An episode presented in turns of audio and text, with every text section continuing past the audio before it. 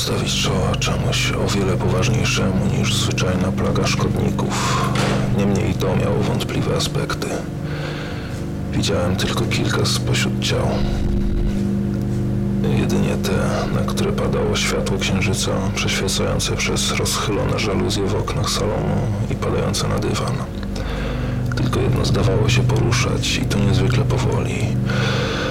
Chociaż prawdopodobne, że nie tylko w nim jeszcze tliło się życie. Oprócz krzesła, na którym siedziałem w zupełnej ciemności, niewiele było mebli w pomieszczeniu, a w zasadzie w całym bungalowie. Wokół ustawiono jednak sporą liczbę lamp, podłogowych i stołowych, a nawet dwie niewielkie, stojące na gzymsie nad kominkiem. Wyzwania i przeszkody, w obliczu zostałem postawiony w bungalow, zostawały się coraz to bardziej i bardziej uciążliwe.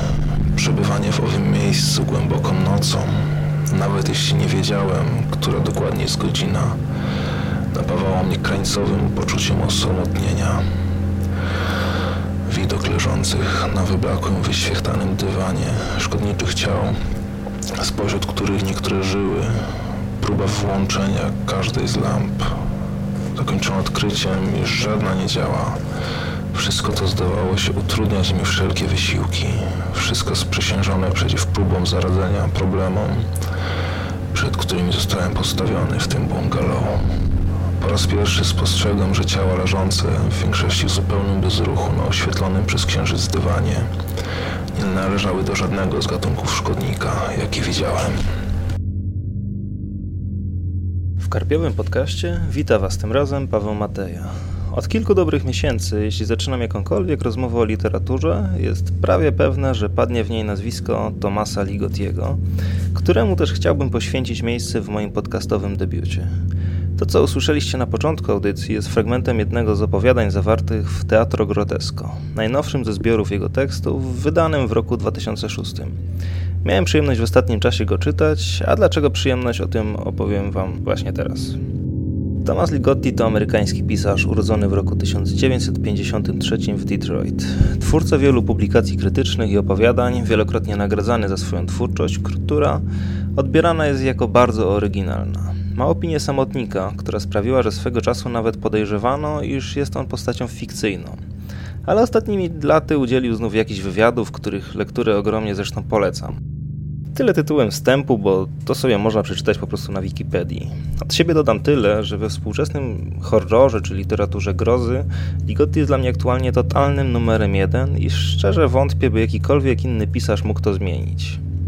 Proza, z jaką mamy do czynienia w przypadku tej książki, nie przypomina szczególnie horroru, z którym najczęściej mamy do czynienia.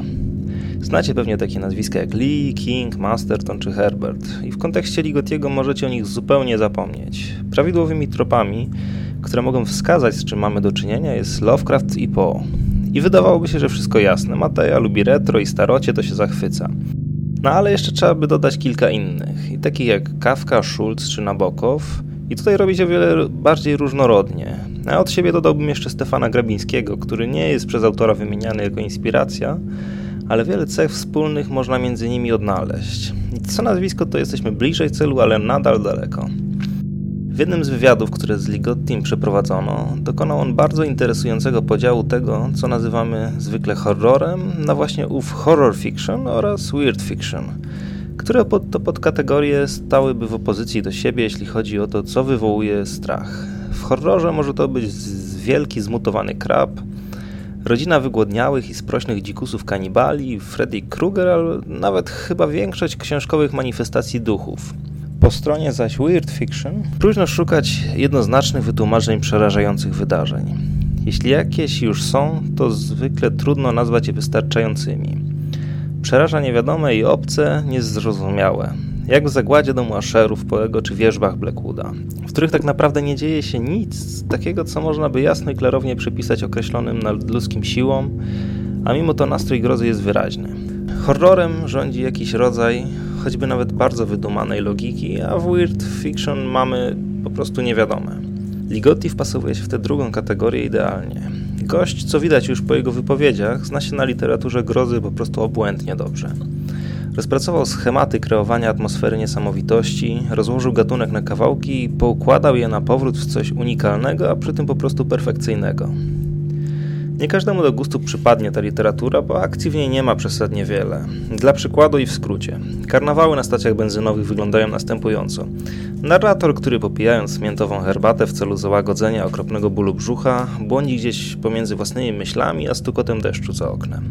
Bo to ponury i ulewny wieczór i zostaje zaczepiony przez swojego znajomego krytyka, który opowiada o tytułowych kuriozalnych karnawałach, które miał przyjemność czy nieprzyjemność oglądać w dzieciństwie, gdy podróżował z rodzicami. Opowiada o dziwnych przedstawieniach, jeszcze dziwniejszym konferencjerze i ponurym wyglądzie tych pozornych atrakcji.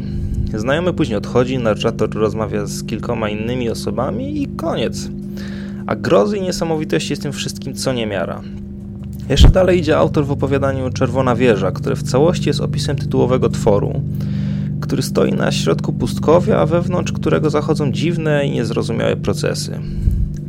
Narrator przez długie strony opisuje kolejne etapy ewolucji fabryki, opisuje jej dziwaczne produkty i zaznacza, że tego wszystkiego właściwie nigdy na oczy nie widział.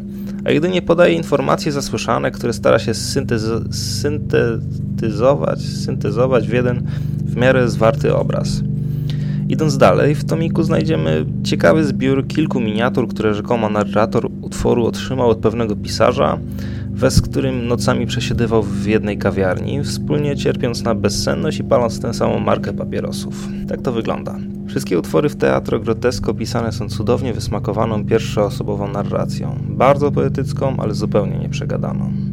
I co warto zauważyć, tak miejsca, w których dzieje się akcja, jak i narratorzy są anonimowi. Wydaje się, że świat w tych historiach nie istnieje, poza miejscem opisywanym w fabule. A to, co dane jest nam poznać, jest podszyte absurdem. Mechanika i filozofia istnienia jest tylko drobnym trybem w większej maszynerii, której zasady działania nie tylko są niezrozumiałe, ale może wręcz nonsensowne. Akcja utworów osadzona jest w półumarłych, nienazwanych miastach, w których istnieją wielkie fabryki będące częścią jeszcze większych korporacji, a te zdają się kontrolować właściwie rzeczywistość. Zaś bohaterowie utworów to jednostki odosobnione, często chore i nie odnajdujące się w otoczeniu, ale to głównie przez wzgląd na to, iż otoczenie to właśnie intuicyjnie pojmują, a raczej pojmują jego absurd, nazywany lodowatą niegościnnością rzeczy. Każdy element rzeczywistości może nieść ukryte znaczenie, suma jednak tych znaczeń prowadzi do nonsensu i pustki.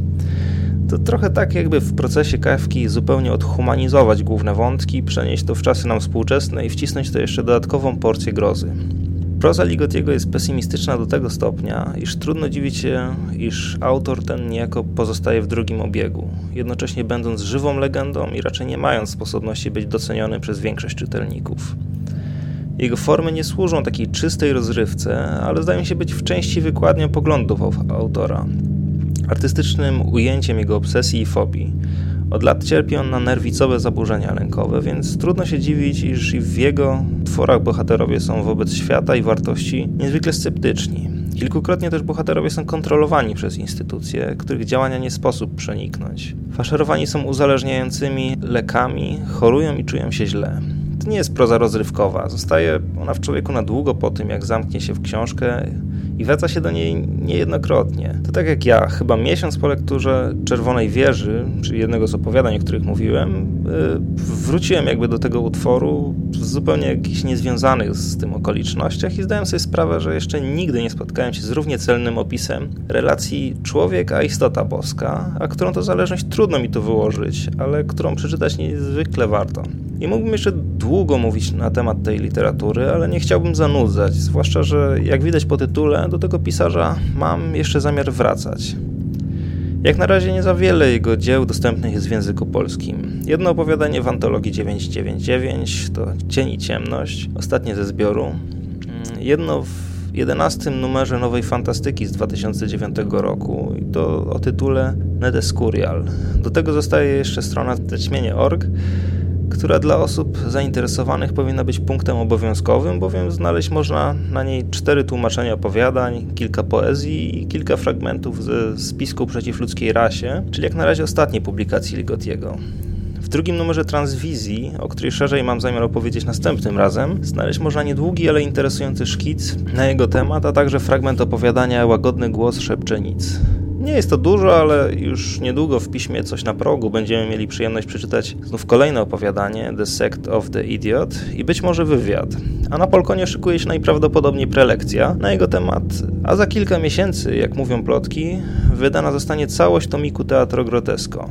Jak widać, nazwisko Ligotiego, choć nadal w Polsce mało znane, niedługo może się doczekać pewnej popularności. Oto mam zamiar zabiegać, nadal przy każdej możliwej okazji o Ligottim gadając. A jedynym wyjściem, by się nie irytować tym, jest po prostu sięgnąć po jego opowiadania i dać się zachwycić. I na tym dzisiaj poprzestanę. Mam nadzieję, że na mój kolejny podcast nie trzeba będzie już tyle czekać. Do usłyszenia.